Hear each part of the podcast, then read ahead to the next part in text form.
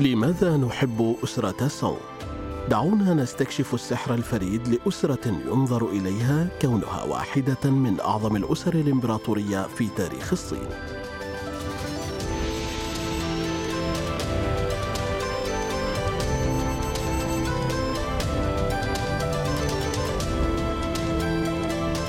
الحلقة الثامنة حفلة رغوة الشاي في أسرة سونغ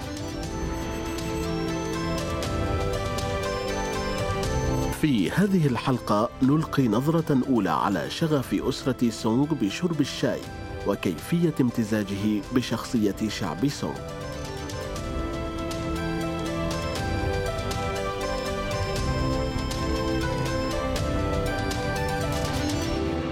معكم أحمد شلش في هذه السلسلة الصوتية لماذا نحب أسرة سونغ التي تسلط الضوء على أحد أبرز المعالم في تاريخ الصين العريق.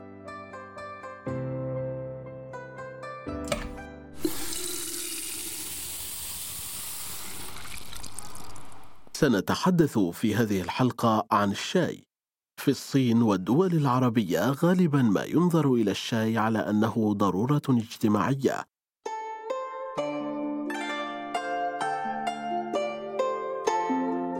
حيث يؤخذ على محمل الجد حقا. لا بد أن هناك شيئا ما يتعلق بالشاي، لأن كلمة طقس جاد لا تستطيع أن تصف مدى أهمية الشاي لأصدقائنا في عهد أسرة سونغ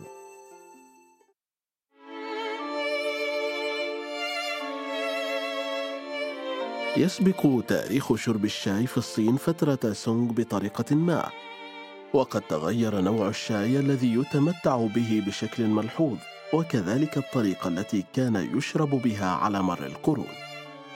مثل كل الأشياء الجيدة في الصين تبدأ قصة الشاي بأسطورة.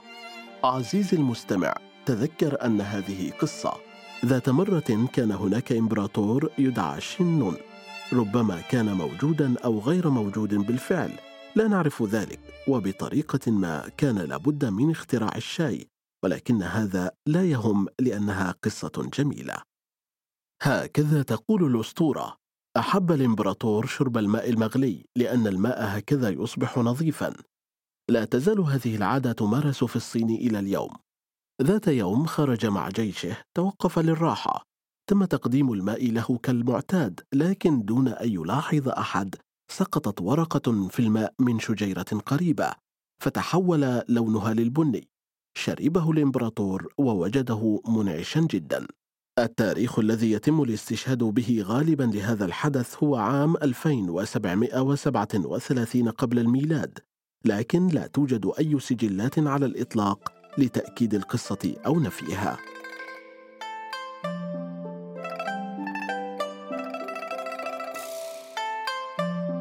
ينمو الشاي كنبات في البرية الجبلية في جنوب غربي الصين في مقاطعتي يونان وسيتشوان. قبل أن ينمو كمحصول نقدي نما بشكل كبير في كل مكان. أقدم شكل لشرب الشاي كان ببساطة عبارة عن نقيع أوراق كاملة يتم وضعها مباشرة في كوب من الماء. غالبا ما كان يستخدم كمنشط لإبقاء الناس مستيقظين لفترة أطول.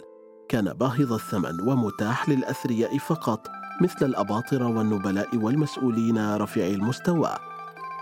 انطلقت ثقافة الشاي فعلا في عهد أسرة تانغ، وهي أسرة عظيمة أخرى قبل سونغ، وأصبح شيئا يمكن الاستمتاع به مع الأصدقاء وأصبح واحدا من الأساسيات السبعه للحياة الصينية جنبا إلى جنب مع الحطب والأرز والزيت والملح والصلصات المخمرة والخل. كان هذا تقريبا عندما بدأت معالجة الشاي تزداد تعقيدا.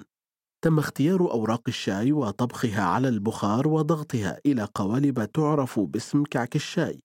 ثم تم طحن الكعك على جرن حجري وغمرها بالماء الساخن للحصول على المنتج النهائي. في وقت لاحق تم تجفيف أفضل أطراف نبتة الشاي وتحميصها لصنع أوراق الشاي التي نعرفها اليوم. هنا وصلت فيه أسرة سونغ لقصة الشاي.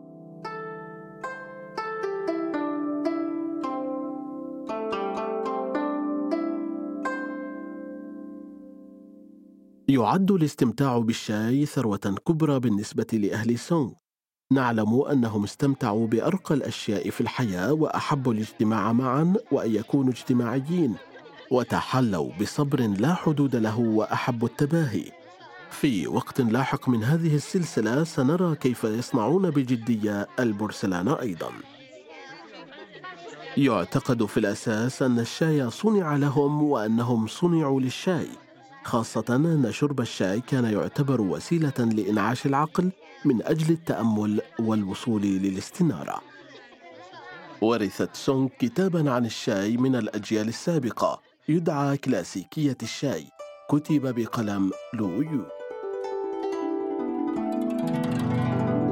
في الكتاب وصف بالتفصيل كيفية تحضير الشاي بالطريقة الصحيحة أي أن كتل الشاي يجب أن تطحن إلى مسحوق ثم تختمر في الإناء كما قدم لعمل رغوة الشاي. في حين أن صانعي الشاي في عهد أسرة تانغ أحبوا القليل من الرغوة على الشاي فإن عشاق أسرة سونغ تمشيا مع متعة التباهي أحبوا الكثير من الرغوة. كان السر في الطريقة التي يصبون بها الماء. لم يغمروا الشاي بالماء لكنهم قطروه تدريجيا. ثم استخدموا الفرشاة لإثارة عاصفة رغوية كبيرة. كان ينظر إليها على أنها مهارة، وخلال فترة سونغ غالبا ما كان المسؤولون يتوقفون عن العمل لمعرفة من يمكنه صنع أفضل رغوة. تم حظر هذه الممارسة من قبل الأجيال اللاحقة، وطلب من المسؤولين الاستمرار في عملهم. كان الإمبراطور خويتسون لأسرة سونغ مهتما جدا في الشاي وكتب مقالة حول الطريقة الصحيحة لصنعه. أقام مسابقات لصنع الشاي حتى أنه عين مفوضا للشاي. سنشاهد المزيد عن الإعجاب الإمبراطوري بالشاي في الحلقة التالية.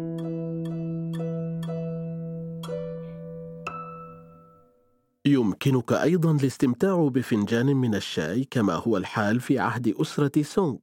كتب خويتزون مقالته عام 1107 ووصف العملية كالتالي: الخطوة الأولى قلب القليل من الماء الساخن في معجون الشاي ببطء شديد. استخدم خلاطة من الخيزران. زد سرعتك تدريجيا. عليك أن تجعل الأمر يبدو سهلا، لكن استمر في الخفق حتى تبدأ في تكوين الرغوة. الخطوة الثانية: صب المزيد من الماء. اضرب على سطح الشاي ثم ابدأ بضرب معجون الشاي بحركة دائرية يبدأ لون السائل وبريقه في الظهور. الخطوة الثالثة الصب الثالث اخفق في حركة دائرية برفق والآن ستتمكن من رؤية لون السائل. كان ينظر إلى الأبيض مع القليل من اللون الأخضر على أنه ذروة الموضة. الخطوة الرابعة صب المزيد من الماء اخفق برفق وستبدأ السحب الخفيفة في الظهور على السطح. الخطوة الخامسة تسريع عملية الخفق حتى يتجمد الضباب ويتكثف الثلج. الخطوة السادسة صب الماء مرة أخرى قم بتنظيف البقع العائمة من مرق الحليب برفق. الخطوة السابعة صب الماء مرة أخرى عليك تقدير كيفية امتزاج المياه بالسائل. تذكر أن هذه هي أسرة سونغ ويجب عليك تقدير كل شيء. ينبغي أن يكون الآن مبهما ثم بياض الثلج مع رغوة غنية تعلو حساء الشاي. قد يكون الأمر سهلا علينا اليوم، ستختار المقهى الخاص بك وفقا لمن يصنع أفضل رغوة فوق الكابتشينو الخاص بك، خاصة إذا كان بإمكانهم صنع تلك الأشكال الصغيرة على ذلك. كان هناك راهبا بوذيا يدعى فوجين خلال فترة الأسر الخمس قبل ظهور أسرة سونغ لقد كان بارعا في عمل رغوة الشاي وكان معروفا بقدرته على جعل الصور تظهر عليها مثل منظم العروض الذي يروض أسدا يمكنه التحكم في الرغوة لإظهار جمالها الخلاب وغالبا ما يكون محاطا بحشود من المعجبين.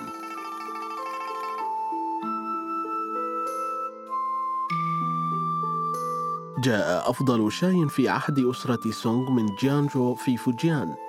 كانت حديقة الشاي في شرق المدينة بجوار جبل فينيكس مغطى بشجيرات الشاي.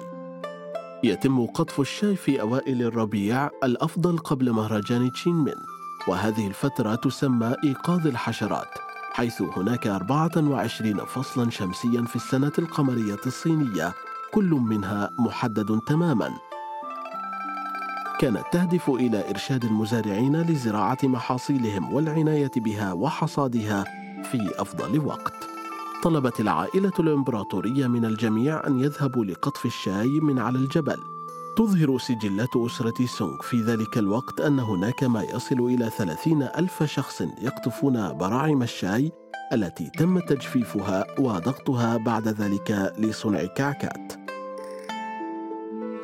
كان طقم الشاي الخاص بك في قمة الأهمية. يجب أن يكون من البورسلين ويكون ثقيلا وأسود وهو الأفضل لإظهار لون الرغوة الرائعة.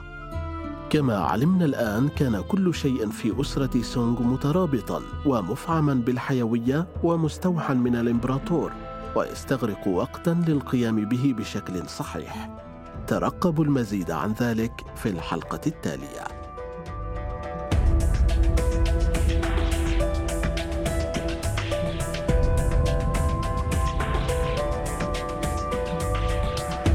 شكر خاص إلى سانيان تشوندو الذين ساعدوا في تأليف محتوى هذا البرنامج.